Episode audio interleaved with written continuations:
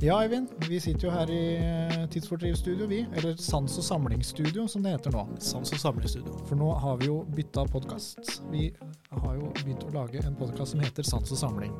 Så de som sitter og lytter til oss nå, de er jo på feil podkast, rett og slett. De er på Tidsfordriv, de. Ja, de må bytte fra tidsfordriv til sans og samling. Det er Yes. der det nye kommer ut. Det er der det skjer nå. Det er der det skjer. Og Sans og samling finner du jo samme stedene som du fant Tidsfordriv, der du hører podkast. Og vi har jo eh, en episode som vi lagde her forleden, som har kommet ut med Sans og samling. En, en veldig spesiell episode, får vi jo si. Absolutt. Det var eh, en litt sånn eh, alvorlig episode.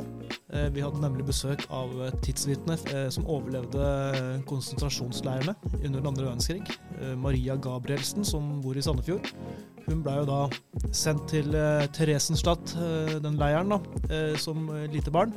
Og det verste var at hun ble angitt og sendt dit av sin egen mor. Ja, det er altså en helt eh, forferdelig historie, men også utrolig fascinerende eh, å, å høre et, eh, et menneske fortelle om noe som Altså, dette skjedde faktisk med denne, denne personen. Så anbefales å gå over til Sans og samling-podkasten og høre denne ja, gripende historien.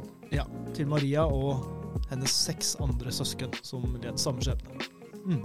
Da ses vi på, eller ikke ses, høres vi Vi hørs på Sans og Samling. på Sans og samling.